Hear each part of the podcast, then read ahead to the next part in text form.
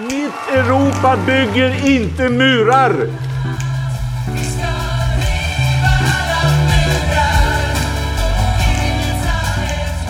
Syftet med de åtgärder som vi nu presenterar är att skapa ett andrum för svenskt flyktingmottagande. Mycket av det som regeringen sa igår ställer ju oss vi positiva till och vi tror också att en del av det kan dämpa trycket. Men vi är fortfarande oroliga för att det inte kommer att vara tillräckligt. Snälla, gör inte det här. Splittra inte familjer. Utsätt inte människor för ännu större risker.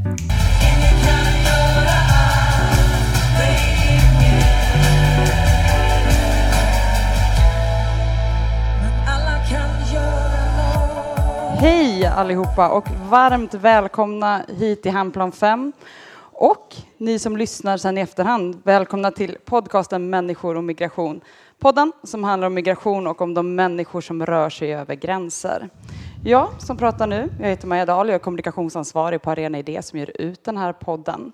Och I det här avsnittet och på den här scenen idag så ska vi prata om migration och Almedalsveckan. Vi står ju här på en scen i Visby och ska helt enkelt se hur migrations migrationsfrågorna och integrationsfrågorna har synts under den veckan som sägs vara Sveriges största politiska samtal. Hur har migrationen lyfts? Av vem och vilka utspel har vi sett? Vilka partiledartal har pratat om frågorna och vem fan var det som sa andrum? Med mig för att reda ut allt det här har jag som vanligt Arena Idés utredningschef, statsvetaren Lisa Pelling. Hej, Hej. roligt att vara här. Och asylrättsadvokaten Ignacio Vita. Hej. För er som lyssnar i efterhand kommer det låta konstigt, men vi har en publik här. Och det har vi nästan aldrig, så vi är lite nervösare än vanligt. Men hej publiken! Hej. Så roligt att vara här. Eh, Almedalsveckan är ju en vecka som till stor del består av att gå på en massa, massa seminarier. Jag har tagit mig friheten att gå in och kolla lite grann hur det sett ut statistiskt sett med hur de här frågorna har lyfts. Och 2015 arrangerades 3465 seminarier, debatter eller eh, heta stolen-samtal under den här veckan. Och av dem så ska 124 stycken ha varit markerade med att handla om integration. I år däremot så är det 3824 arrangemang som anmäls i kalendariet och 447 av dem handlar om integration och 176 om migration. Och som ni då som lyssnar i efterhand och som ni, ni som är här säkerligen då förstår att dessa tre personer inte hunnit springa på alla dessa seminarier. Tyvärr. Men Ignacio, du har ju suttit i flertalet paneler. Hur har du upplevt dem? Alltså vilka frågor har lyfts? Vilka har varit med? Vad är din, vad är din eh, upplevelse av veckan? Till att börja med att det är väldigt mycket migration ändå. Det har varit eh, nästan parallella seminarier om väldigt snarlika ämnen så att det har varit svårt då att få liksom en överblick. Eh, men det är ju på ena, å ena sidan positivt, å andra sidan hade man kanske ibland önskat att de organisationerna samarbetade så att man kunde få ihop ett, ett ordentligt samtal och kanske lite längre. Det är oftast ganska korta samtal.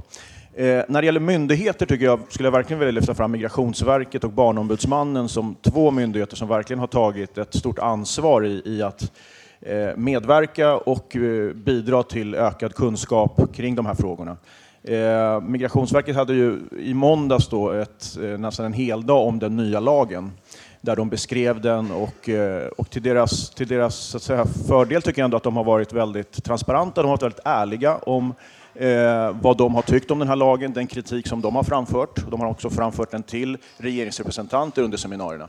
Så det har jag tyckt har varit väldigt bra. Men sen så har det klart funnits en mängd saker som Migrationsverket inte har pratat om, så, som jag sen eh, kommer att återkomma till. Men de har ju haft, som sagt, hela dagar med både terroristbekämpning och asylrätten. Det har varit åldersbedömning avseende barn, eh, så det har varit väldigt bra.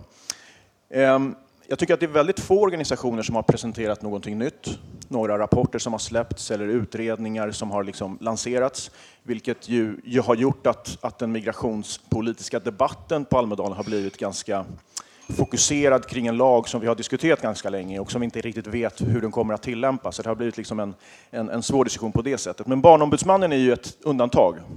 I, I torsdags hade de ett seminarium där de presenterade delar ur en utredning där de har träffat ett stort antal ensamkommande barn som har sökt asyl i Sverige och ställt frågor om hur de har upplevt sin första tid i Sverige och Även flera av de barnen har genomgått asylprocessen. Och det som blev väldigt tydligt där var ju just hur jobbigt väntan är för de här barnen.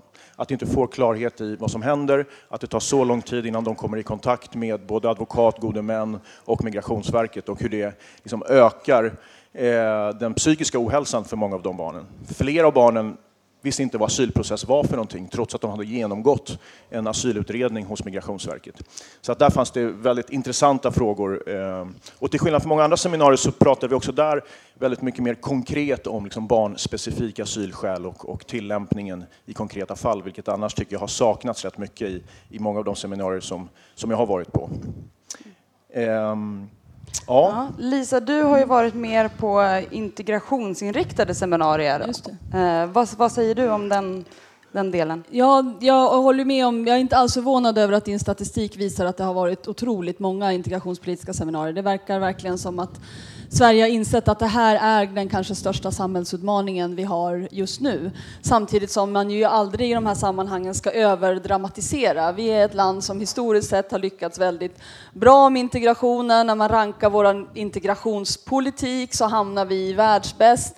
Men också när man rankar våra resultat. Vi är ett land med väldigt hög sysselsättningsgrad, väldigt hög sysselsättningsgrad särskilt för kvinnor. Vi har historiskt sett varit ett land som har fixat ganska bra att liksom integrera människor när man lämnar skolan, när man man går in och i perioder av arbetslöshet att komma tillbaka till arbetsmarknaden. Så man ska inte överdramatisera det här. Men det, folk är hands-on, folk är på. Vi har ordnat två seminarier själva här på den här scenen i, i måndags med ett antal LO-förbund och Akademikerförbundet SSR som handlar om på temat Välkommen jobbkompis. Hur kan fackliga rörelsen eh, arbeta med eh, med, eh, med integrationen.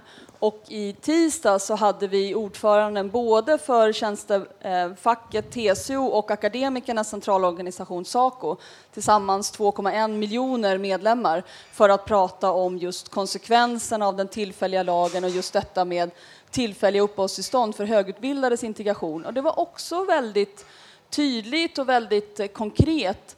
Det man kan önska sig kanske från Almedalen är, precis som Ignacio var inne på, att alla de organisationer som jobbar med migrationsfrågorna från ett människorättsperspektiv eller ett barnrättsperspektiv skulle behöva upptäcka eh, det fackliga perspektivet och, och, samarbeta mer. Man hade velat se ett seminarium där de fackliga organisationerna satt tillsammans med Barnombudsmannen, tillsammans med de här andra aktörerna för att, för att öka styrkan. Det hade jag. Sen, det som var mest eh, som en upplevelse var att eh, en svensk-finsk eh, kulturfond som heter Hanaholmen, de ordnade ett seminarium som de kallar ett vittnesseminarium där vi som var med fick vittna om var vi befann oss och hur vi upplevde flyktinghösten 2015. Eh, och det var väldigt intressant och det är någonting som jag tycker att vi alla borde borra med i. Mer i vad, vad, vad, hände egentligen den här galna hösten där vi gick från solidaritet, värme, hopp till eh, den mörkaste stunden då 24 november när andrumspaketet eh, presenterades. Hur tolkade vi verkligheten då? Var det rimligt att göra det? Och framförallt, hur tolkar vi liksom de beslut som togs nu? Var de rimliga? Borde de ha fattats borde de eh, rivas upp nu när vi har förstått att den eh, tolkningen som vi gjorde då kanske inte var så rimlig. Mm. Jag tänker att vi kommer komma tillbaka mer liksom på de riktiga sakfrågorna, men vi, vi fortsätter befinna oss liksom lite mer översiktligt av vad som har hänt under veckan. Så en stor och viktig del av Almedalen är partiledartalen och de partipolitiska utspelen. Och Lisa, ditt uppdrag under veckan har ju varit att hålla lite extra koll på vad som har sagts. Vad, vad säger du? Har de lyft migrationen eller har det bara pratats integration där också? Nej, de har, eh, eh nästan alla partiledare har pratat både migration och integrationsfrågor. Och man skulle nog kunna säga att det har varit en ganska stor del av, eh, av talen. Veckan inleddes ju med Liberalernas Jan Björklund som själv sa att han hade lagt eh, sitt redan skrivna manus åt sidan och skrivit om det helt och hållet Men med anledning av, av Brexit. Men han, när han då pratar om sitt Europa och Liberalernas eh, idéer för hur Europa och EU ska förändras så sa han att den första utmaningen är flyktingkrisen.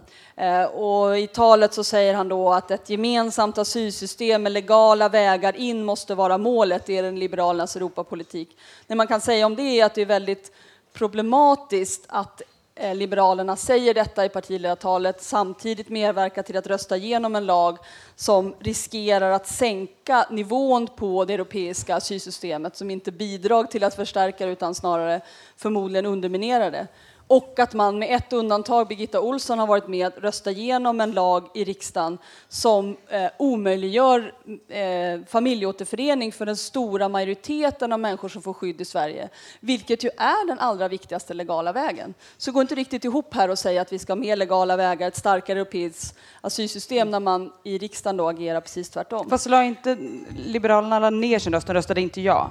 Nej, just på den, på Mm. den liksom, eh, eh, punkten.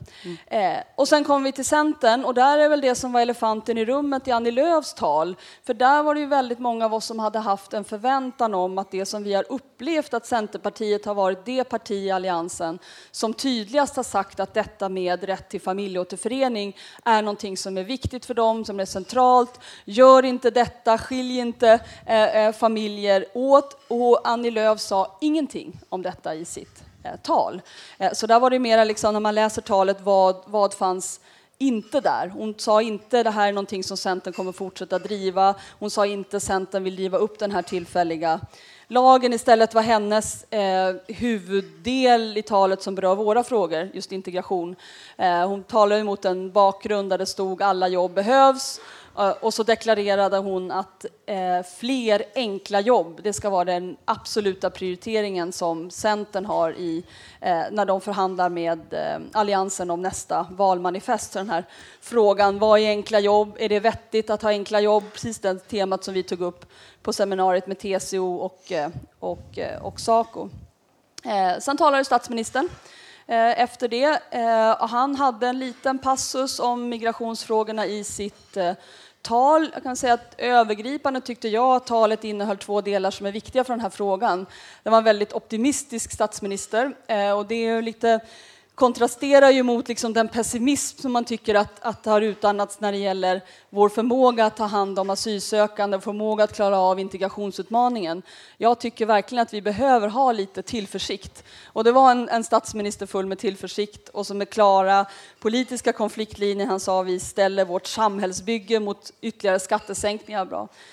Men det han sa om migrationsfrågorna var detsamma som vi har hört sedan i november. Han sa eh, vi måste få till en rättvis fördelning i EU. Han säger så här, alla länder som vill njuta fördelarna av gemensamma gränser måste också ta sitt ansvar för gemensamt flyktingmottagande. Här hade man ju velat ha ett konkret förslag. Här hade man velat att statsministern sa de länder som inte tar sitt solidariska ansvar för människor som behöver skydd, de ska inte heller få vara med i Schengen.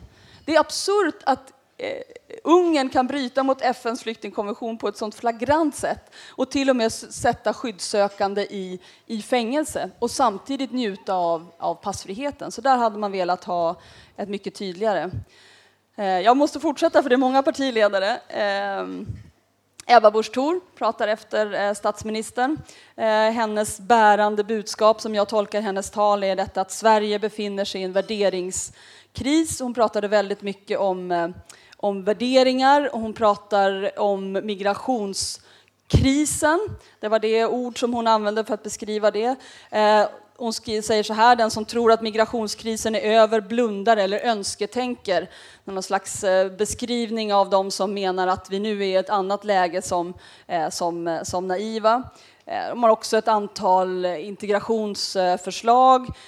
Det är ju mycket sådär nyord i den här debatten jämt. Annie Lööf hade ett eget eh, ingångsjobb pratar man om, man pratar om instegsjobb. Ehm, eh, KD pratar om introduktionsanställningar. Hon skärper också eh, debatten kring vad asylsökande ska kunna förväntas göra under asyltiden. Hon säger att man ska ha SFI från dag ett, alla är överens, det är fantastiskt. Men hon säger också att asylsökande ska stå till arbetsmarknadens förfogande. Eh, och detta är ju någonting som är genomgående i allianspartiernas retorik kring asylsökande och kring nyanlända. Man gör eh, arbetslösheten i den här gruppen, att det är svårt att komma in på svensk arbetsmarknad, till ett motivationsproblem. Man placerar liksom ansvaret på individen och säger det är ett problem, det som är problemet idag med asylsökandes passivitet är att de själva inte går ut och tar första bästa jobb eller själva inte ställer sig och diskar sina egna tallrikar. Precis som att det var verkligheten. Och, ja, det är väldigt eh, väldigt eh, provocerande. Och sen igen då, för det parti som försöker profilera sig som Sveriges familjeparti, som har det som bärande liksom, tanke, som avslutar hela talet eh, med att säga, jag ska citera det här, ehm, en stödjande familjepolitik förstår de små gemenskaperna. Familjerna behövs för att människor ska kunna växa och må bra. Inte en rad i talet om rätten till familjeåterförening. Över hälften av de som får skydd i Sverige kommer inte att få återförenas med sina familjer. Man skiljer med öppna ögon barn från sina föräldrar, föräldrar från, från eh, sina barn och detta då inte ett ord om det i ett parti som säger sig vara eh, familjepartiet. Jag kommer till SD. Jag mm. måste mm. nämna SD. Det är såklart att eh, eh, får applåder från publiken för beskrivningen av, av KD här. Eh, det var ett förfärligt tal som Jimmy Åkesson höll. Alltså han har ju under tidigare år försökt, har många av oss analyserat, ta ett steg tillbaka, inte vara det här liksom eh, Eh, Eh, partiet som är besatta av invandringskritik. För ett par år sedan så försökte han lansera sig som en värdekonservativ. Man har försökt liksom tona ner nationalism och pratat mer om värderingsparti, konservativ. Men det är precis som att när, eh, och jag tyckte att den bästa eh, analysen av det här har skrivits av Mikael Fernbo som en tidigare kollega till oss men som nu jobbar på Expo. När han sa när fler och fler nynnar med i Sverigedemokraternas nationalistiska sång, då höjer de tonarten och ljudstyrkan och går rakt liksom i, i, den, i den riktningen. Det är precis det de gjorde. Han pratar i sitt tal om att tillåta medborgargarden. Detta händer på Sveriges största då politiska samtal i ett demokratiskt land på en scen. Eh, och det är lätt att liksom avfärda Jimmy Åkesson. Det är alla vi har skrattat lite åt det här med folkdans i förorterna, förutom att folkdans då är ett av de viktigaste mångkulturella uttrycken som vårt samhälle känner. Det finns inte en folkdans som inte har internationella referenser. Att han gör bort sig och börjar prata om järnrör på scenen. Det är lätt att skratta, men det är fruktansvärt allvarligt. Det är en fascist som stod på Almedalens scen och han sa precis det som man kan bocka av på en fascists lista, inklusive det här med medborgargarden. Idag är det Miljöpartiets dag. Vi har jättehöga förväntningar på eh, Isabella Lövins tal eh, i ikväll. De har hunnit göra ett, eh, ett utspel som jag inte riktigt har sett. Jag tror att du har, har Eh, eh, lite bättre koll på det. Vi ska prata om utspelen också som de har gjort, men de har inte, när vi spelar in det här, ännu haft sitt seminarium om vad talet ska handla om. Eh, däremot så pratar Moderaterna i, imorgon, jag ska avsluta med det, för de har hunnit gå ut eh, och se, prata om vad de eh, kommer att föreslå och det är tyvärr liksom samma Sång, de har ju gått från att säga andrum till att säga flyktingpaus. Detta är en påminnelse till alla oss som tycker att när debatten liksom drar iväg åt ett håll så kanske vi borde anpassa retoriken, inte framstå som så extrema, eh, gå med lite grann. Det går inte att tävla med Moderaterna. Säger man eh, nu måste vi eh, genomföra åtgärder, då säger de det behövs mer. Säger man andrum, då säger de flyktingpaus. Skulle vi säga paus, ja, vad skulle de säga då? Vi vill inte ens tänka det. De har gjort utspel om integrationspolitiken. Jag ska avsluta med det, Maja, så att jag inte tar upp all tid. Eh, de har tidigare eh, gått in och sagt att det behövs en kvalificeringstid. Att människor när man kommer hit, trots att man betalar skatt som alla andra, trots att man har samma eh, boendepriser, samma priser på ICA när man går och handlar, samma utgifter för kläder för ungarna, ska man inte ha rätt till samma bidrag. Man ska kvalificera sig in i det svenska samhället. Och nu har de hittat på någonting som de kallar för bidragstak. Det finns vissa människor, menar de, som får försörjningsstöd trots att de kan arbeta. Vi vet alla att den gruppen är jätte liten. De allra flesta som får försörjningsstöd får det för att man är för sjuk eller annan problematik som gör att man kan jobba. De ska sättas ett tak på ersättningen. Den ska vara 75 procent av lägstalönerna. Det finns många LO-representanter i det här rummet just nu. Lägstalönerna är extremt låga i Sverige. Få går på dem, men om man definierar till ett bidragssystem som bara tre fjärdedelar av det så hamnar man på nivåer som det inte kommer att gå att försörja sig på helt enkelt. Mm. Yes, det var partiledartalen. Jajamän, nu måste vi då tillägga, så återigen, vi spelar in på en fredag så att vi kommer alltså inte hinna med att lyssna på Miljöpartiets, Moderaternas eller Vänsterpartiets, Vänsterpartiet. tal. Så, så har vi väldigt höga förväntningar på Jonas eh, Sjöstedt på, på på söndag som är den, det parti som tydligast har stått upp mot den tillfälliga lagen och, och jag utgår ifrån att han kommer att prata mycket om detta på söndag. Mm. Annars får vi ligga på dem i efterhand helt enkelt. Yes. Yes.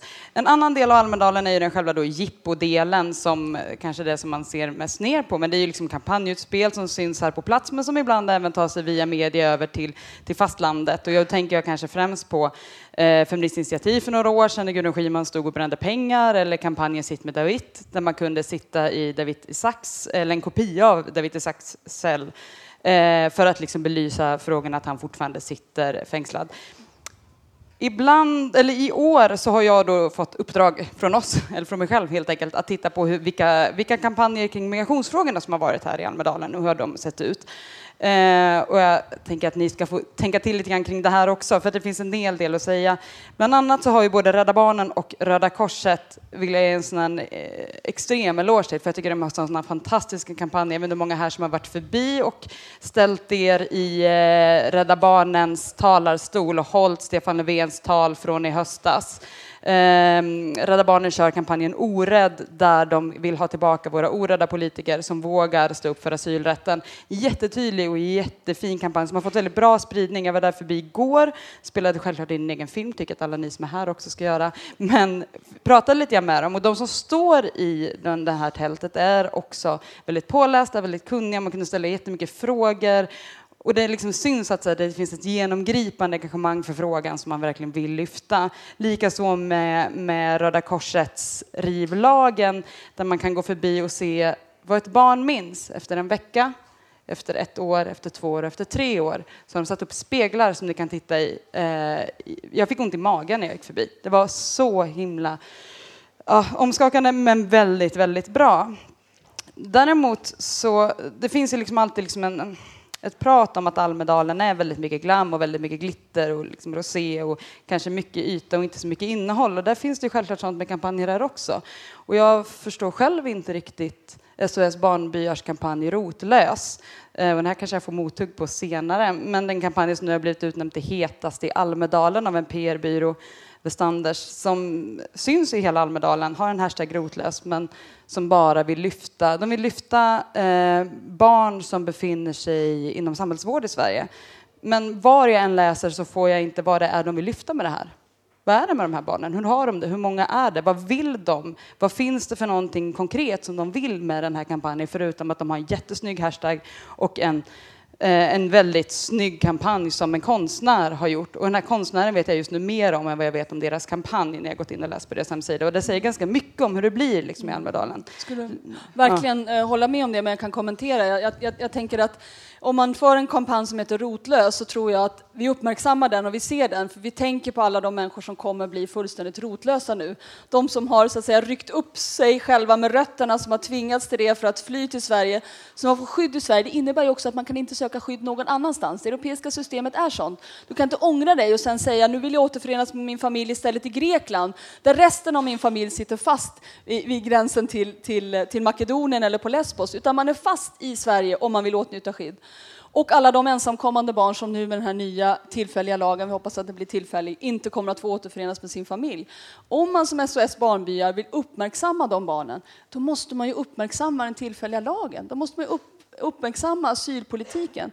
Eh, och vi ser inte att man har gjort den kopplingen. Man pratar om att man ska motverka deras rotlöshet genom att förse dem med mentorer i Sverige. Det är ju fantastiskt, men deras bästa mentorer är deras föräldrar. Det är så det fungerar när man har barn och föräldrar, att föräldrar mentorar och coachar sina barn. Ta hit föräldrarna, eh, det ska vara mycket bättre. Absolut, och det håller jag verkligen med dig om. Eh, Folkkampanjen för asylrätt har ju varit här och de stod kring Stefan Löfvens tal och höll upp eh, iklädda flytvästar med en båt. Eh, jag såg inte kampanjen själv, men jag såg sociala medier och jag tänker att det är också ett sätt att nå ut. Så jag har fått liksom springa runt och hitta dem eh, och jag har faktiskt inte gjort det än. Men de, de har varit här och är ju en stark röst i just migrationsfrågan. När det kommer till integration så vet jag inte hur många mer än jag som har sprungit på t-shirten och det står nyanländ på bröstet och nyanställd på ryggen. Eh, det är ett nytt initiativ som handlar helt enkelt om att eh, företag som vill anställa, anställa en nyanländ ska kunna gå in på deras sida, lägga ut vad de erbjuder. Det kan vara allting från eh, ett, ett, jobb som tar en timme till mycket längre. Det står sex månaders på deras sida, men jag har ringt och pratat med dem och tydligen finns det ingen sex månaders gräns på hur länge man får vara anställd i det företag som lägger in erbjudande. Och sen kan nyanlända gå in och matcha ihop med det här. Ehm, jag tror att de har synts väldigt bra. De har kört skytteltrafik från hamnen till centrum och från flygplatsen till centrum eh, där de då informerat folk om vad det är de gör. Det här är som sagt ett nytt initiativ. De startade 2015. Eh, det står ingenting på deras sida om hur de tänker kring så här, ska de här jobben, ska det vara kollektivavtalsenligt eller hur ska det vara? Eller ska det, ska det finnas kollektivavtal? Men jag ringde och pratade lite med dem och då sa de det att de för faktiskt samtal med facket så vi får se. Eh, det ska bli spännande att se liksom vad som händer med det sen.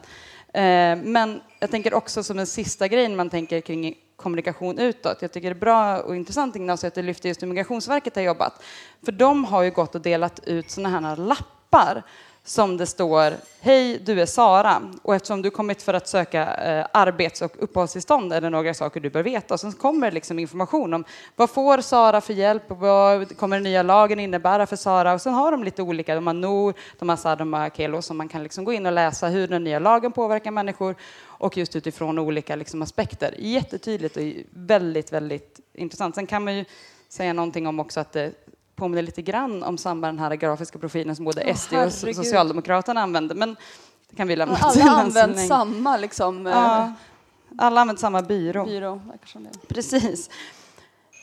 Vi går vidare för att vi har kort om tid och det är mycket att prata om. Det är en hel vecka som vi ska försöka sammanfatta. Sakfrågorna. Eh, jag tänker att just hur de olika delarna, både i seminarier och politiska utspelningar, vissa sakfrågor har ju vi varit mer intresserade av att följa än andra.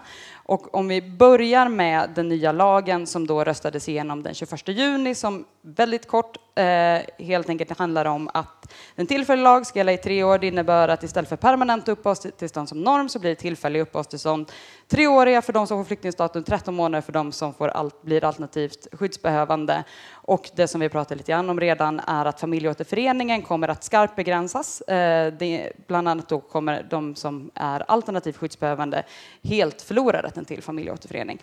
Eh, hur tycker ni att lagändringarna har diskuterats under veckan då, förutom att Migrationsverket har delat ut lappar? Eh, Ignacio, vad säger du?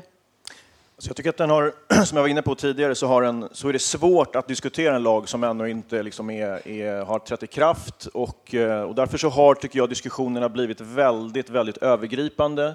Det är fortfarande så att, att det diskuteras liksom, om den här lagen ens är nödvändig eller inte, om det förelåg systemkollaps eller inte. Och det känns som att de två olika läger här pratar inte riktigt med varandra. Vi har liksom inte riktigt ett svar på på de frågorna tycker jag. Och det som Lisa var inne på, att bristen på samarbete mellan de fackliga organisationerna och människorättsorganisationer tycker jag har varit väldigt påtaglig och gör också att vi inte riktigt kan presentera ett tydligt alternativ för vad man hade kunnat göra istället. För att det som det här, det här lägret som absolut vill ha den här lagen, de säger det, men vad ska vi annars göra? Och då, då har väldigt många människorättsorganisationer kvar vid diskussionen kring att mänskliga rättigheter är universella och alla måste ha rätt till skydd. Eh, samtidigt som man egentligen inte har bemött den här logistiska frågan, vilket jag tror att man hade kunnat göra om man eh, hade samarbetat med fackförbunden mycket tydligare. Och jag var på ett seminarium med statssekreteraren Lars Westbratt som ju fortfarande sitter och bara identifierar utmaningar. Han säger vi, vi skulle kunna göra undantag från plan och bygglagen. Vi, skulle, vi behöver fundera på hur vi ska lösa skolfrågan, socialtjänsten, sjukvården, men det är fortfarande inga konkreta förslag. Men, men det har inte riktigt vi heller, alltså in, inte på den konkretionsnivå som skulle behövas för att, att få till stånd en, en, liksom en, en reell diskussion. Och det leder till att konfliktlinjerna inte blir identifierade i den här diskussionen. Utan, utan den här debatten förs på en väldigt, väldigt övergripande nivå och det gör att, att, ehm, ja, att den här diskussionen blir, blir eh, lite, jag ska inte säga loj, men den blir lite oklar. Eh, jag upplever inte att vi, vi liksom, och det har att göra med, med bristande konkretion också. Jag tror att det, är alldeles för många som talar väldigt generellt om rätten till familjeåterförening, permanenta tillfälliga uppehållstillstånd, men i och med att man inte blir konkret så blir det heller inte påtagligt vilka konsekvenserna blir. Eh, och det gör och hur olika grupper påverkas. Jag tycker till exempel generellt sett så har ju som vanligt kvinnors situation inte alls uppmärksammats på hur, hur den kommer att påverkas av den här lagen. Eh, Medan barn har fått en väldigt stark plats i, i, i de här diskussionerna. Eh, Migrationsverket har ju förvisso spridit mycket information, men de har inga svar på hur den här lagen kommer att tillämpas. De har inga svar på hur de ser på sin nya roll i och med den här nya lagstiftningen. För vad den här nya lagstiftningen gör, det är ju i praktiken att det bara finns barnkonventionen och Europakonventionen som inte är några utlänningslagar utan de är ju egentligen grundlagskonventioner. Det är ju väldigt liksom, generella rättigheter som står där. Och hur kommer de att tillämpa dem i en situation eh, där, där människor söker skydd? Och det är den nya liksom, konstitutionella rollen som det innebär för dem eh, har de överhuvudtaget inte, inte diskuterat. Domstolarna är inte här. Migrationsöverdomstolen, den högsta juridiska instansen och de domarna i migrationsdomstolen som kommer att, att, så att säga, besluta om det här, de har inte kommit hit för att ge sin syn om hur det här kommer att påverka tillämpningen, vilket jag tycker också är, är, liksom ett, ett problem. Så vi har en ganska stor grupp organisationer som pratar på en väldigt principiell och generell nivå och vi har ganska få organisationer och myndigheter som, som talar om det på en mer konkretionsnivå. Och det, det leder till en, en liten urholkad diskussion, tycker jag.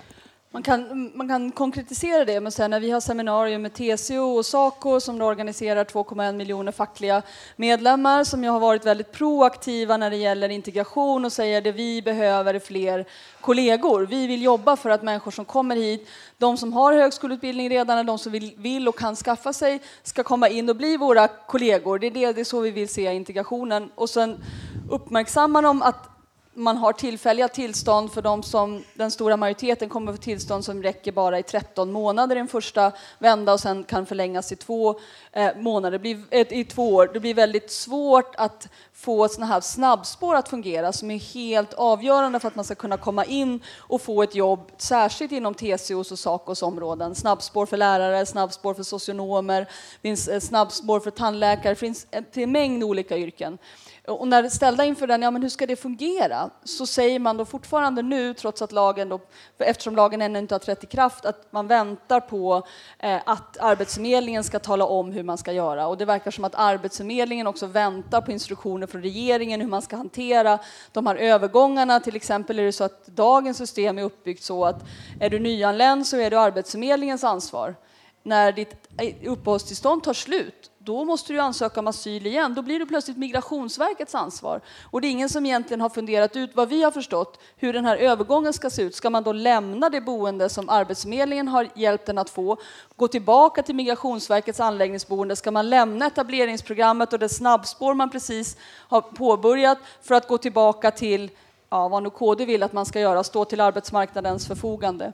Eh, för, för, för LO-fackens del finns det fortfarande, eh, upplever jag, en tveksamhet i hur man ska hantera det här att det gissningsvis är inom LO-yrkena som desperata människor kommer att försöka skaffa sig sitt första jobb. Eftersom ett jobb, ett permanent uppehållstillstånd, är möjlighet till familjeåterförening.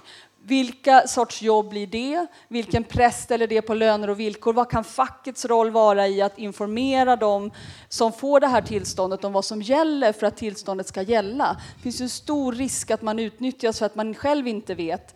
Och det här är en problematik som man känner igen från arbetskraftsinvandringen där många har råkat väldigt illa ut just för att bördan är så tung på den som får tillståndet att själv kolla att den lön man får är kollektivavtalsenlig, att de försäkringar som man ska ha verkligen har betalats in. Ytterligare en sak som LO har lyft i sitt remissvar kring den här lagen är att för de som ska få permanent uppehållstillstånd som har fått eh, asyl, de måste också kontrollera att arbetsgivaren anmäler jobbet till Skattemyndigheten. Och kan ju själva ha svårt att ta sig igenom Skattemyndighetens telefonslussar för att kolla att det här jobbet verkligen anmäls. Så där, ja, jag ser fram emot nästa år och hoppas att alla de här problemen liksom har landat hos organisationer, att de kommer hit med konkreta fall, det här hände, det här, och, och också då med utgångspunkt av det mobilisera kring, kring lagen. Men det är alldeles uppenbart att regeringen och riksdagen för den delen inte har någon som helst strategi eller reformprogram för konsekvenserna av den här lagstiftningen. Och på det sättet påminner ju svenska regeringens agerande om Storbritanniens agerande. Man genomför någonting extremt snabbt med en stark politisk vilja och sen när man har fått igenom det så står man helt tomhänt och har inga som helst svar på de avgörande konsekvenserna för de personer som drabbas av den här lagstiftningen. Och då du menar du Brexitomröstningen? Brexitomröstningen. Alltså den här den här alltså bristen på konsekvensanalys av, av den här lagstiftningen. Och att man ändå har genomfört den och så har man inte ens några som helst reformprogram. Och det tycker jag blir tydligt också i partiledarsamtalen. Jag kan förstå ur ett perspektiv att man inte tar upp just den här lagstiftningen. Man har precis liksom klubbat igenom det, men att ingen partiledare pratar om konsekvenserna. Pratar om hur ska vi se till så att integrationen blir så pass, alltså underlättas så pass mycket med tanke på de konsekvenser den här lagstiftningen har. Och det Alltså det är ju det jag tycker att de kan kritiseras starkast för just nu. Det är den bristande handlingskraften och liksom utgångspunkten som de har. Vi vet ju att den här lagstiftningen kommer ju öka människors utsatthet enormt mycket. Och det kommer att skapa spänningar mellan grupper och allt, väldigt mycket tyder på att rasismen och motsättningen kommer att öka i vårt samhälle. Inte en enda partiledare har tagit upp hur, vilken strategi har man för att minska rasismen som vi vet kommer att öka genom den här lagstiftningen. Om man nu ändå säger att det är nödvändigt, vilket jag ifrågasätter, ifrågasatt, men om man tycker det så måste man ju ta ansvar för de konsekvenserna som det får. Och, och det, så där bristen i det är, är väldigt alarmerande, tycker jag. Mm. Det finns ju en stor skillnad mellan Brexit, Brexit och eh, just lagen. Det är ju att Brexit handlar ju faktiskt om att folket har röstat. Det finns ju ingen i Sverige som har röstat för den här lagen, för den var inte på, på agendan när val, valkampanjerna var 2014. Mm. Så att vi ju, har ju som folk inte tagit ställning till den här lagen, kan man ju säga. Jag tänker att vi går vidare och så tar vi nästa del som är flyktingkonventionen, för det vet jag att varit en del seminarier om här i Almedalen. Lisa, du har stått i en del paneler. Mm. Vad har sagts om konventionen? Ja, alltså det var mitt första seminarium här i Almedalen och det var en, en rätt lätt sådär surrealistisk upplevelse. Att stå på en scen i Almedalen och behöva försvara FNs flyktingkonvention som sedan den antogs 1951 då som liksom ett destillat av mänsklig erfarenhet. Erfarenheten av, av, av, liksom, av förintelsen, erfarenheten av den flyktingsituation som rådde i Europa under andra världskriget, efter andra världskriget. Så kom man överens om att man måste ha liksom en, en rättighetskatalog för flyktingar. Och det är ju det är väldigt grundläggande principer. Det handlar om att den som tar sig över en gräns olagligt för att söka skydd inte ska straffas för den här olagliga gränspassagen. Att när man väl är på andra sidan så ska man få sina skäl till asyl prövade och samtidigt inte tillåtas svälta ihjäl eller frysa ihjäl. Ens barn ska få gå i skolan. Ett antal rättigheter. Och så den viktigaste principen av alla, man ska inte skickas tillbaka till helvetet. Det land som vars gräns man har korsat har ansvar för att se till att man inte skickas tillbaka. Och så står man på en scen i Almedalen och folk säger på fullaste allvar den här konventionen med de här principerna ska vi avskaffa. För den här står i vägen för att ha ett system som bygger på att vi istället tar emot de som behöver det bäst på ett ordnat sätt, det här kvotsystemet. Eh, och jag sa efteråt till arrangörerna som var Migrationsverket, varför tar ni upp det här?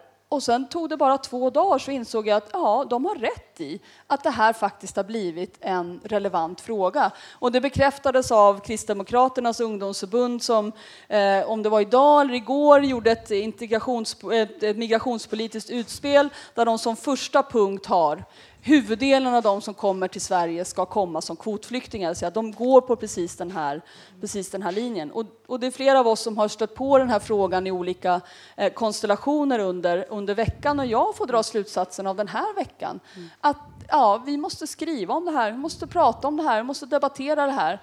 Eh, och, och där man och, även i det utspelet faktiskt pratar om illegala invandrare, någonting som man har jobbat väldigt mycket med, att prata liksom om de som lever papperslöst och inte illegalt.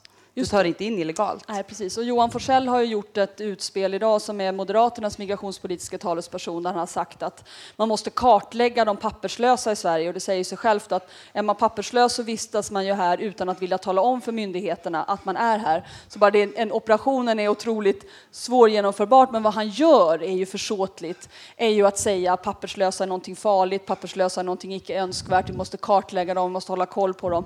Istället för att säga att anledningen till att vi har papperslösa är ju att vi har ett icke-fungerande migrations och asylsystem. Och det man måste göra för att undvika att människor blir papperslösa är såklart att se till att öppna fler legala vägar, ha ett asylsystem som fungerar.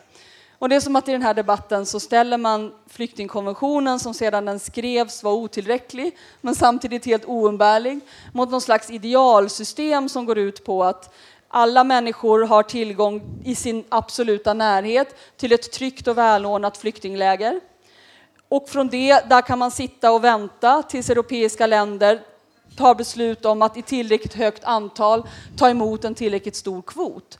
Och det säger sig självt att detta kommer inte att materialiseras, särskilt som, jag ska sluta med det, det viktigaste argumentet är om vi i Sverige och Europa säger att den här principen om att människor som korsar en gräns i natten på flykt undan bomberna, undan förtrycket ska tas emot och ha rättigheter. Om vi ifrågasätter den och säger att det är helt okej okay att försöka en hermetiskt tillsluten gräns och inte ge de som korsar den här gränsen några som helst rättigheter. Vilket land ska vara värd för de här flyktinglägren? Där man tänker sig att människor ska vänta. Ska människor vänta i Syrien på att vi ska ha en tillräckligt stor kvot? Vem tror på det? Och, och, och, och, där är ju då, så att säga, man, ändå på allvar så diskuterar man att det här, det här är så att säga eh, lösningen. Då. Mm. Och det är inte bara Johan Forsell som gör det, utan det, det här är ju i hela Europa just nu, pågår ju den här diskussionen. Och jag, tror att det, jag välkomnar ju i grunden att man diskuterar flyktingkonventionen, för den är ju otroligt gammal och den bygger på liksom en, en föreställning och framförallt en manlig norm om vem flyktingen är. Att det är en man som har liksom revolterat mot en militärregim och därför har varit tvungen att fly på grund av sin politiska uppfattning. Och det har gjort att både kvinnors asylskäl och barns asylskäl har osynliggjorts genom, genom den konstruktionen som flyktingkonventionen är. Och det, jag tycker att vi ska ta det här tillfället i akt att verka för en revidering, för att att liksom stärka flyktingbegreppet, att, att kanske, te, kanske kommer till ett tilläggsprotokoll där man tydligare anger hur den här flyktingskapsbedömningen ska göras. Vilka är de barnspecifika asylskälen? Att de skrivs in i konventioner. Vilka är de könsspecifika förföljelseformerna? Och hur har vi liksom kommit nu och vilken typ av rättssäker prövning krävs för att vi ska kunna försvara de, de principerna som, som fastställs där? Eh, för att det kan ju bli en, lätt en diskussion kring att, att man vill, de vill så att säga, förändra flyktingkonventionen och vi försvarar ett system som redan nu är ganska rättsosäkert. Jag tycker vi ska använda det här tillfället för att förstärka den, för det kommer ju bli något form av liksom, möten där den här flyktingkonventionen kommer att diskuteras och då är ju alla bestämmelser och all, all utveckling öppen för diskussion. Mm. Och jag tror att det är också ett sätt att förstärka argumentet som du, som du mm. talar om. Ehm, så det tror jag är viktigt. Ja, fast där skulle min pragmatiska invändning vara att som läget ser ut idag så skulle det vara jättefarligt att lägga upp den på bordet. Alltså att, att, att, att, säga att vi behöver revisioner för risken är ju att den blir ännu mer utvattnat, att, att, den, att den försvagar snarare än stärker. I en ideal värld så skulle man göra så och försöka stärka den, men, men som läget ser ut nu så tror jag att det skulle vara farligt. Ja, men vad säger det då om att den här frågan är uppe här? Du säger att du var förvånad över att vara inbokad på ett sånt här seminarium, mm. men vad säger det då att, att den frågan är uppe här i Almedalen? Kommer vi få se de här fighterna mycket mer nu framöver? Absolut. Jag, alltså jag tänker det, det är liksom en slags ryggmärgsreflex för en som är politiker att man vill ha en enkel, begriplig lösning som man kan presentera för folk.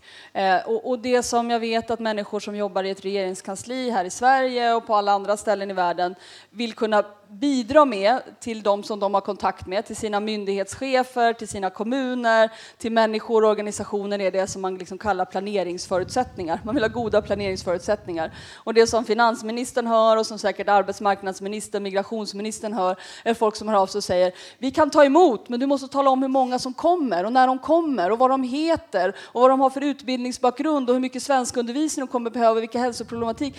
Och då är liksom svaret till oss, men flykt är inte planerat. Människor kommer inte på det sättet till ett land. Man planerar inte inbördeskriget, inte förtrycket, inte bomberna, inte naturkatastroferna. Vi vet ju att världen blir allt mer instabil på grund av klimatförändringarna. Så det vi behöver är inte system som bygger på goda planeringsförutsättningar, utan vi behöver en politik som jobbar proaktivt för att se till att människor kan, som vi vet kommer att behöva röra sig, kan göra det på ett legalt sätt, på ett tryggt sätt. Men vi kommer aldrig kunna helt och hållet styra detta. Det, det, och, och försöker vi, skulle vi försöka, ja då skulle vi hamna i fascism.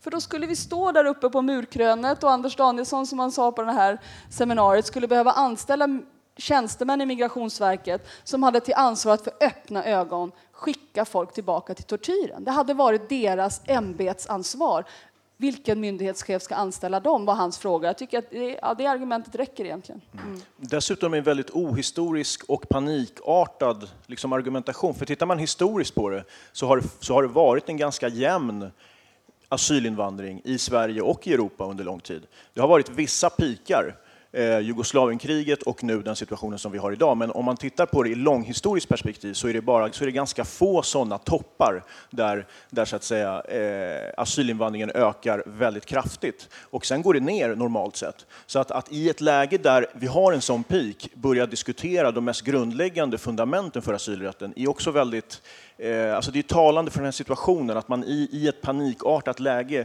bedriver en, en, helt avgörande politik som kommer att förändra hela strukturen för asylrätten. Mm. Eh, ser man det ur ett historiskt perspektiv så finns det inte egentligen anledning för den, den panikslagenhet som vi ser. Mm.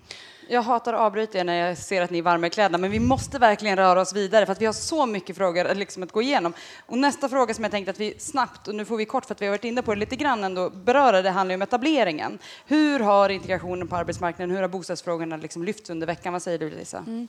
Eh, jag skulle hålla med Ignacio om att de här stora frågorna som jag tror många av oss upplevde frustration kring i höstas, det här att, att vi inte kom på tillräckligt snabbt smarta boendelösningar, att man inte tillräckligt snabbt kunde göra nya sätt att eh, eh, genomföra undervisning. Att de här, alla de här frågorna som handlar om att bättre anpassa det svenska mottagningssystemet, det svenska samhället för en värld med ökad rörlighet, att de lyser lite med sin frånvaro här. Man har behövt mera sådana, åtminstone har jag inte, har jag inte sett dem på ett sätt som jag hade kanske eh, kanske önskat. Det är inte den här liksom, nybyggarstämningen i Almedalen som det hade behövt eh, vara. Eh, det finns vissa initiativ och så, men det är inte någon, eh, någon, någon större eh, fokus på de frågorna. Och sen är det fokuset som, som vi har försökt att bidra till. Vad händer med högutbildade, särskilt integration, när man har så väldigt korta uppehållstillstånd? Kan man verkligen få snabbspår att fungera? Kan man få kompletterande utbildningar att fungera? Jag hade velat se eh, universiteten och högskolorna stå på tå och säga så här tänker vi ordna och möta det här massiva behovet av kompletterande utbildningar som finns. För det, vi vet ju att eh, det låter ju liksom lätt att eh, validera sig den, den syriska tandläkarens utbildning. Men vi vet att när hon väl kommer ut på arbetsmarknaden och säger jag har en tandläkarutbildning, den är validerad eh, eh och motsvarar en svensk, så räcker inte riktigt det. Det är mycket smartare att ge henne en kompletterande utbildning på en svensk högskola i tandreglering för barn då är hon tandreglerare för barn och kan börja jobba direkt. Men svenska högskolor erbjuder inte de här platserna. Jag har själv föreslagit att man borde, ha någon, att man borde starta ett nytt universitet, Massive Online Open Courses, och, och skapa liksom 30 000 nya platser i ett slag. Den där typen av, av um, lite mera eh, stora liksom reformer har jag, har jag saknat här. Mm. Eh, nästa perspektiv jag tänker vi skulle ta tag i barnperspektivet. Du sa att barnperspektivet är en, en, fråga som har lyfts väldigt mycket, att det kanske var kvinnors situation du menade saknat. Men vad skulle du ändå säga, eh, att liksom, hur har man lyft barnperspektivet i Almedalen? Ignacio? Alltså Barnombudsmannen har ju haft seminarier i princip varje dag om barnperspektivet, barnkonventionen, att den ska bli en lag, hur kommer det att påverka dels den här lagstiftningen eh, och väldigt konkret och tydligt tycker jag liksom lyft fram just barnspecifika förföljelseskäl, vilka hur blir barn förföljda i, runt om i världen och vad händer när de kommer hit och får sin asylansökan prövad? Och där finns det ju stor kritik från FNs barnrättskommitté om att, Sverige, om att barnrättsperspektivet inte får genomslag i, i eh, liksom de konkreta asylbedömningarna. Så det har varit väldigt, väldigt till skillnad från då det, den kritik jag hade tidigare om att det var en väldigt övergripande diskussion, så tycker jag i det här fallet så finns det väldigt liksom, konkreta eh, diskussioner har varit me mellan eh, olika aktörer. Mm diskussioner tror du kommer kunna leda till något? Då? Ja, men det tror jag absolut. Alltså, till skillnad från många andra migrationspolitiska diskussioner, så när man kommer till barnrättsperspektivet så talar i och med att Barnombudsmannen har ju den insikten också i, i hur barns rättigheter tillvaratas i Sverige, så, så blir det en mycket mer praktisk diskussion kring hur jobbar vi metodmässigt, hur går, man, hur går man tillväga för att fastställa vad som är barnets bästa, hur väger man de intressena mot intresset av att utvisa till exempel ett barn och hur ska man göra det i konkreta fall? De tog fram exempel på migrationsverksbeslut där man just inte tillämpar barnrättsperspektivet på samma sätt. Och det, det, är den typen av diskussioner som vi behöver generellt sett i migrationsrätten för att komma någonstans. För det är ju någonstans alltid så att det är mötet mellan den enskilde och Migrationsverket, det är ju där som asylrätten måste återerövras varje dag. Och det är, det är ju hur man tillämpar de konkreta bestämmelserna som avgör egentligen vilket skydd människor får. Eh, alldeles oavsett om det var systemkollaps eller inte. Och vi riskerar väldigt mycket att prata om de här väldigt övergripande diskussionerna och det är därför som rättsosäkerheten är så stor. Och det måste vi fokusera mycket mer på. Eh, och det tycker jag att Barnombudsmannen gör, eh, men det tycker jag inte att Migrationsverket har gjort i, i samma utsträckning. Mm. Vilka frågor och perspektiv har ni saknat under veckan? Mm. Vad är det alltså, som inte har pratats ja. om? Ja, alltså, det finns en jätteviktig fråga som det absolut inte har pratats om och jag tror att det är, det är liksom en, en, gigantisk risk som vi ser nu. Det är att det blir väldigt mycket fokus nu på den tillfälliga lagen. Samtidigt är det så att Migrationsverket har väldigt mycket ärenden som de måste handlägga och regeringen har väldigt höga krav på att det ska gå ganska snabbt. Det kommer att leda till minskad rättssäkerhet i själva prövningen och det kommer kanske i högre utsträckning än den här tillfälliga asyllagen att urholka människors rätt till att bli flyktingförklarade eller förklarade som, som skyddsbehövande. Och det man har gjort, alltså väldigt, kort, väldigt kortfattat så är det så att idag så söker man asyl, så får man en advokat. Sen så är det en muntlig asylutredning där man träffar en person från Migrationsverket och där den asylsökande får berätta muntligt själv vad man har varit med om i sitt hemland och varför man inte kan, kan återvända. Och det är just på grundval av den här muntliga berättelsen som man sen gör bedömningen av om personen uppfyller kriterierna för flykting eller inte. Sen så går man igenom det som den här personen har sagt i ett protokoll med sin advokat och efter det så slutför man talan som det heter där advokaten då argumenterar för varför personen ska få stanna.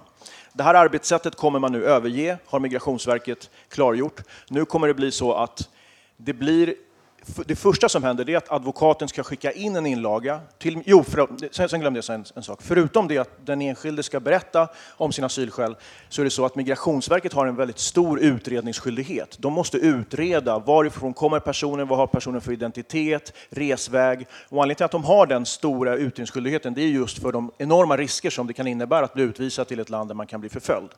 Nu ska man alltså ändra det här arbetssättet där advokaten ska skicka in en inlaga först, träffa den asylsökande själv och utreda eh, den asylsökandes hemvist, identitet, eh, språkbakgrund, asylskäl och skicka in en inlaga till Migrationsverket. Och sen så ska det bli en muntlig utredning efter det där Migrationsverket bara ställer kompletterande frågor. Och sen på plats så ska advokaten direkt slutföra sin talan utan att överhuvudtaget ha fått träffa klienten och gå igenom vad, om det har förståtts rätt. Vi vet att det är enorma tolkningsproblem i de här asylutredningarna och sen därefter ska det fattas beslut. Och det här är ju en för det första så överlämnar Migrationsverket utredningsskyldigheten till advokaterna. Mm.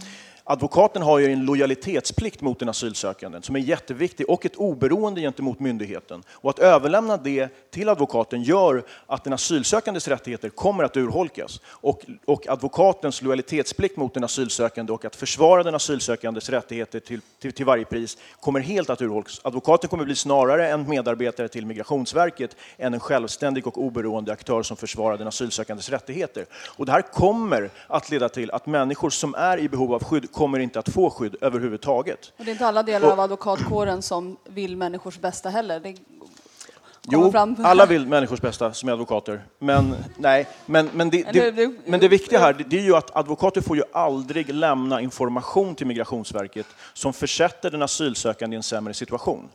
Och den här, det här arbetssättet kan komma att leda till att man faktiskt är tvungen att göra det i strid mot de advokatetiska principerna. Och det här att den här frågan inte har diskuterats på Almedalen är ett symptom för allt det här som jag pratar om. Nämligen att mötet mellan den enskilde och Migrationsverket existerar inte i den migrationspolitiska diskussionen. Och det leder till Eh, mycket, dels leder till att det är så lätt att göra utsvängningar för att politikområdet är liksom fattigt på information, på argumentation, på reformer. Eh, det är därför jag menar att, att jag, jag, jag vill att vi diskuterar mycket mer. Vilka specifika asylskäl har kvinnor, har barn? Hur går den rättssäkra rättstillämpningen till?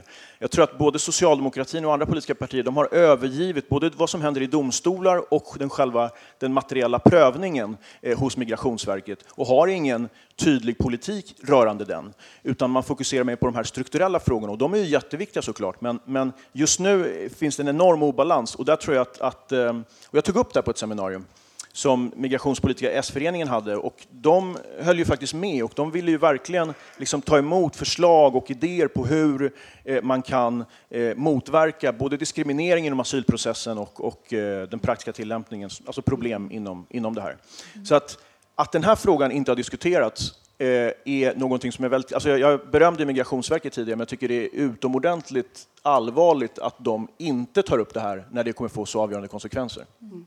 Om vi tänker då utifrån så liksom så här, den internationella delen av migrationen, vi vet att eh, det har lyft i partiledartalen som man ändå pratat liksom om EU-perspektivet. Mm. Men en fråga som jag vet att vi har pratat lite om innan är ju Turkietavtalet. Hur känns ni, hur, hur har den aspekten av migrationsfrågorna synts under Almedalen? Vad säger du Lisa? Ja, nej det där är ju det, är det som är så tragiskt att när man inte ser att hur människor rör sig över gränser är någonting som påverkas av en mängd olika beslut och en mängd olika situationer utan man tror att det här är någonting som vi löser när människor kommer fram till svensk gräns och då antingen med ett någorlunda fungerande asylsystem eller helt enkelt med en mur och inte ser att, att liksom migrationen måste hanteras på en mängd olika eh, områden. Specifikt när det gäller Turkietavtalet, ja, Eh, den har inte diskuterats och den är en, en, ett skrämmande liksom, tidens tecken i hur EU tänker sig att hantera migrationen. Man gör ett avtal med en stat som man vet inte är en helt och hållet demokratisk stat, som man vet är en stat som inte är en rättsstat, där man har haft väldiga svårigheter att få dem att eh, gå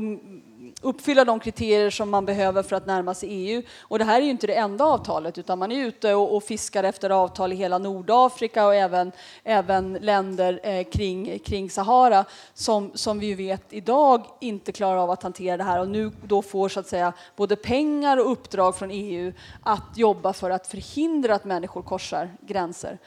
Detta samtidigt som det vi vet skulle förhindra att människor korsade gränser vet jag att det är det som människor gör i sista hand. I första hand vill man försöka vara kvar, i andra hand försöker man vilja vara kvar i närområdet för man så snabbt som möjligt kunna återvända. Det är ju finansieringen av UNHCRs verksamhet och nu igen så slår UNHCR eh, larm om att man har för lite pengar, att de människor som är under UNHCRs ansvar inte har tillräckligt mycket pengar för mat. Att man inte kan erbjuda skolor. Det var precis den situationen som hösten 2015 ledde till att så många syrier bestämde sig för här kan vi inte vara kvar. Vi kan inte vara i Libanon, kan inte vara i Turkiet för vi, vi får ingen skolgång, vi kan inte försörja oss här, vi måste ta de sista resurserna vi har, satsa allt, eh, ta oss till Europa och då tvingade man fram att människor satsade sina resurser i delvis kriminella nätverk som sysslar med människosmuggling, även om inte alla människosmugglare är kriminella. Mm. Det börjar bli dags att runda av här. Det, tiden går väldigt fort. Eh, men Almedalsveckan går ju också mot sitt slut. Det är inte bara vi som ska sluta prata, det är folk här som ska sluta prata. Men vi måste ändå ta med oss någonting härifrån. Det är ett stort politiskt samtal, det är mycket idéer som lyfts fram här. Vad skulle ni säga vad som har sagts och gjort under veckan som ni kommer ta vidare och jobba vidare med? Ah. Lisa får börja, ja. ser fundersam ut. Nej, men det känns så, ja, man hade gärna velat liksom sluta med något positivt. Eh,